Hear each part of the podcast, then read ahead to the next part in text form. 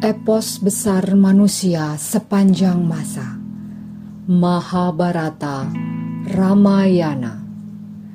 Ditulis oleh C. Raja Gopalacari, diterbitkan oleh Ircisot. Dibacakan oleh Nyonya Wage dan Tamu Wage.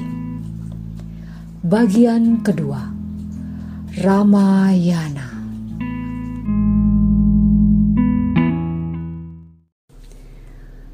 Bab 31 Episode Surpanaka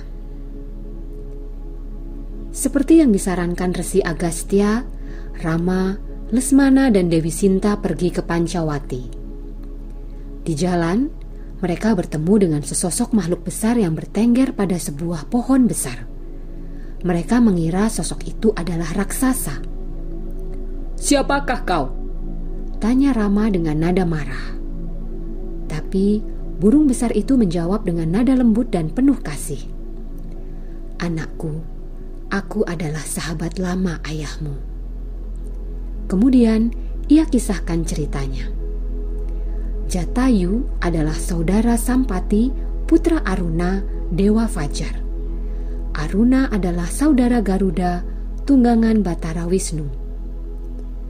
Ketika kalian pergi berburu dan meninggalkannya sendirian, aku akan menjaga Sinta. Mendengar itu, mereka senang dan menerima janji sang burung dengan rasa syukur. Kemudian, mereka melanjutkan perjalanan. Rama terpesona pada keindahan Pancawati. Dalam hati, ia mengucapkan terima kasih kepada Resi Agastya yang telah menyarankan tempat tersebut. Katanya kepada Lesmana, kita bisa membangun asrama dan tinggal di sini selama beberapa waktu. Meskipun tampak dekat, bukit-bukit itu tidak terlalu dekat. Lihatlah kawanan rusa di sana. Pohon-pohon yang semarak dengan bebungaan, serta burung-burung yang berkicau merdu.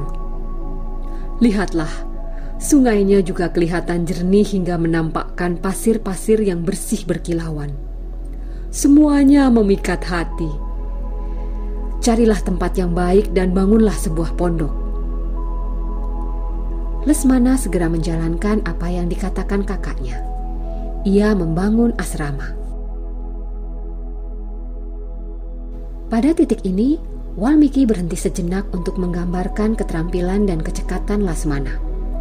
Ia gambarkan secara detail bagaimana Lasmana membangun dinding dari lumpur dan memasang atap. Rama amat mengagumi keterampilan dan kecekatan Lesmana. Kau lebih dari sekedar seorang ayah bagiku, kata Rama sambil menyeka air mata bahagia.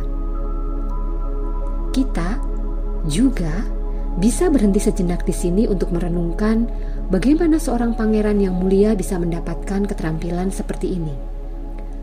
Kita bisa menduga bahwa pada masa itu pendidikan Bahkan pendidikan seorang pangeran meliputi juga pengetahuan tentang realitas hidup dan pengembangan keterampilan tangan yang memungkinkan orang untuk menggunakan bahan-bahan yang tersedia di hutan dan membangun pondok yang tertata rapi untuk diri sendiri. Di asrama Pancawati, Rama dan Sinta hidup damai dan bahagia. Mereka dilayani dengan penuh cinta oleh Lesmana. Suatu pagi pada awal musim dingin, seperti biasa, mereka bertiga pergi ke sungai Godawati untuk mandi dan melakukan persembahyangan pagi, serta tentu saja mengambil air untuk kebutuhan hidup sehari-hari. Sambil berjalan, mereka berbincang tentang keindahan pagi. Pikiran Lesmana melayang kepada Barata dan bagaimana ia mempersiapkan upacara persembahyangan untuk musim dingin. Meskipun sebenarnya bisa hidup dengan segala kemudahan, Barata memilih untuk menjalani kehidupan yang teramat sederhana karena mengingat kita yang hidup susah di hutan. Hatiku sedih memikirkan Barata. Aku yakin pada hari-hari musim dingin yang menggigit tulang seperti ini, ia masih jarang makan dan tidur di lantai. Pada pagi yang sedingin ini pun, Mungkin ia sedang berjalan menuju sungai Sarayu. Betapa beruntung kita mempunyai saudara yang berhati luhur sepertinya. Pikiran, tutur kata, dan tindakannya suci. Ia sangkal semua kesenangan hidup dan menjalani hidup layaknya petapa demi kita.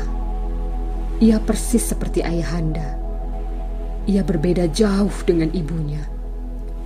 Bagaimana mungkin seorang ibu yang tidak berperasaan seperti Dewi Keikeyi bisa berputra seperti Barata? Rama menghentikan kata-kata Lesmana. Bicaralah sesukamu tentang Barata dan Ayahanda, tapi berhentilah mencela ibu Kaikeyi. Semua yang kau katakan tentang Barata memang benar. Hari ini aku juga memikirkannya. Berapa lama lagi kita bisa bertemu dengannya? Lesmana, kapan kita bisa menikmati keindahan itu? Ketika kita empat bersaudara bisa bersama-sama lagi. Kata-kata Barata yang penuh cinta masih terngiang-ngiang di telinga. Pada pagi awal musim dingin itu, mereka mandi di sungai Sarayu sambil menikmati kerinduan pada tanah air dan Barata. Setelah menunaikan upacara persembahyangan pagi untuk nenek moyang dan kepada dewa matahari, Rama beranjak dari sungai. Rama seperti berubah menjadi Batara Shiva dan kembali ke asrama bersama dengan Dewi Sinta dan Lesmana. Waktu itu, tugas dan kewajiban sehari-hari telah selesai. Mereka duduk-duduk melewatkan waktu dan membincangkan kenangan masa lalu dan cerita-cerita kuno.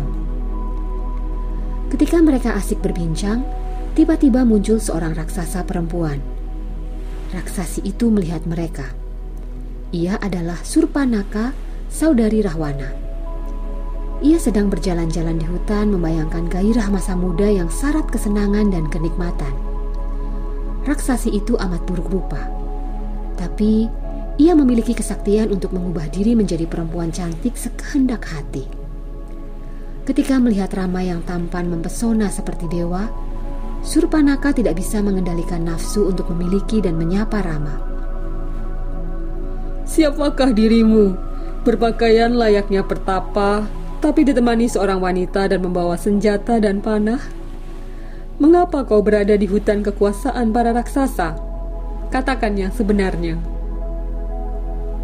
Pada saat itu, tradisi memerintahkan orang yang disapa untuk memperkenalkan diri dan menyebut nama, asal, dan keluarga. Ia juga harus membalas bertanya tentang penanya, keluarga, dan maksud kedatangan. Aku adalah putra sulung Raja Dasarata yang masyur. Aku Rama. Ini adalah adikku Lesmana, dan ini adalah istriku Dewi Sinta. Aku di hutan untuk menunaikan perintah ayahanda dan ibunda serta mengikuti jalan Dharma. Mohon berkenan memperkenalkan siapa dirimu dan keluargamu. Sepertinya kau adalah perempuan dari keluarga raksasa. Apa tujuanmu kemari? Apakah kau pernah mendengar Rahwana, putra Resi Wisrawa yang pemberani dan raja para raksasa? Aku adalah adiknya. Namaku Surpanaka. Saudaraku, Kumbakarna dan Wibisana juga dikenal sebagai prajurit yang tangguh. Penguasa hutan ini, Kara dan Dusana juga saudaraku. Mereka sangat sakti dan mahir menggunakan berbagai macam senjata. Tapi aku perempuan bebas. Aku tidak berada di bawah kuasa kakak-kakakku. Aku bebas melakukan apa pun yang kusuka dan menyenangkanku. Boleh dikatakan, semua orang yang ada di daerah ini takut kepadaku. Ia pikir dengan berkata demikian, rayuannya semakin berpengaruh. Begitu memandangmu, lanjutnya, aku langsung jatuh hati. Sekarang, kau adalah suamiku Mengapa kau bersama dengan perempuan kecil ini? Aku adalah pasangan yang sepadan untukmu. Aku bisa mengubah diri sesuka hati. Jangan khawatirkan perempuan ini. Aku bisa telan dan habisi dia dalam sekejap. Karena telah tertelan badai nafsu, Surpanaka berpikir dan bicara seperti layaknya golongan raksasa. Semua itu mengherankan dan membuat geli Rama. Ia tersenyum dan berkata, "Oh, putri yang jelita, aku tidak mungkin menginginkan dirimu. Aku di sini bersama istriku.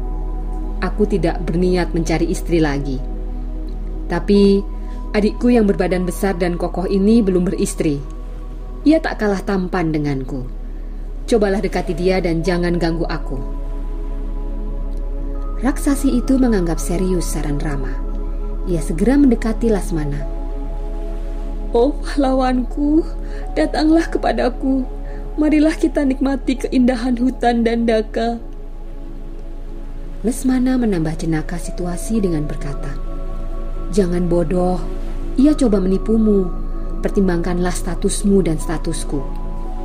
Di sini, aku hanyalah pelayan kakakku, sementara kau adalah seorang putri raja. Apakah kau mau menjadi pelayan seorang pelayan?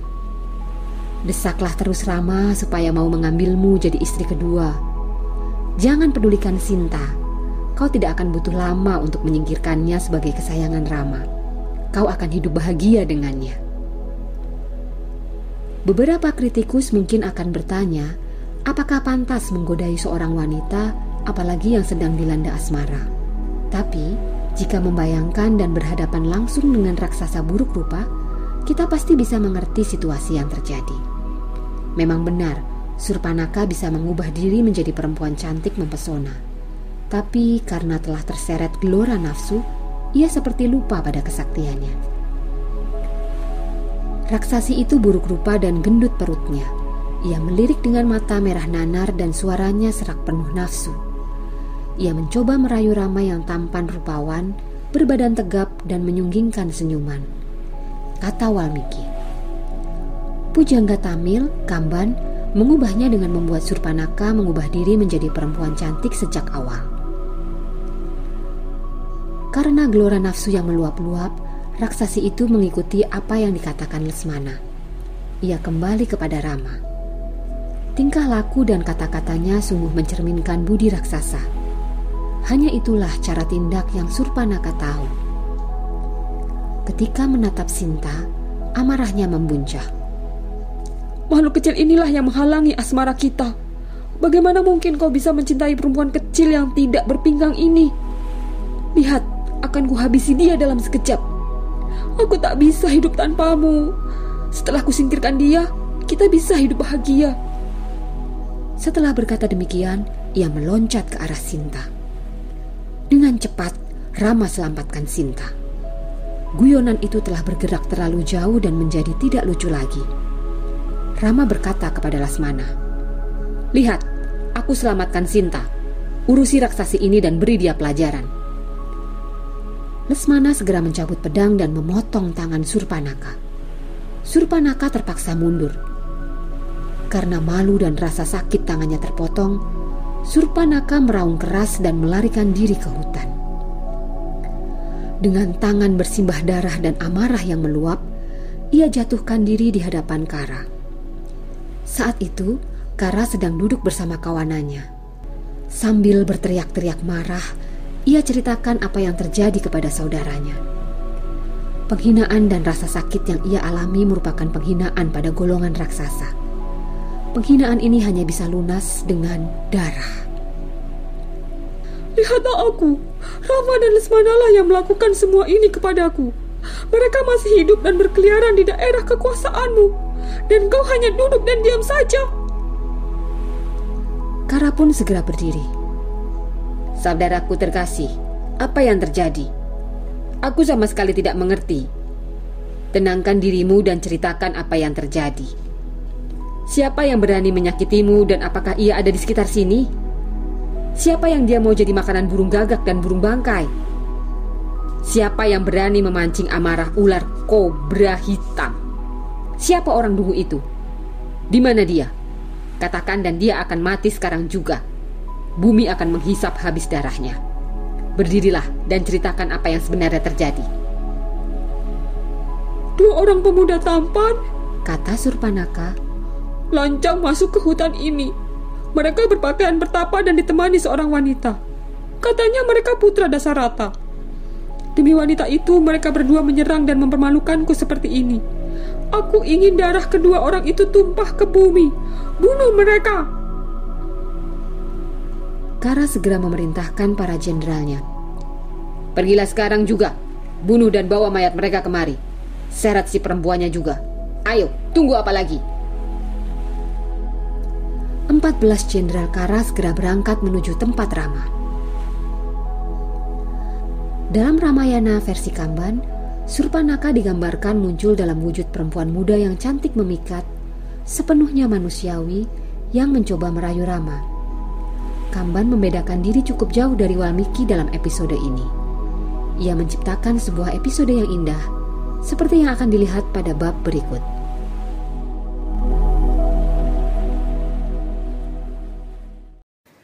Dengarkan kisah selanjutnya di wage depan dengan tamu wage yang lain.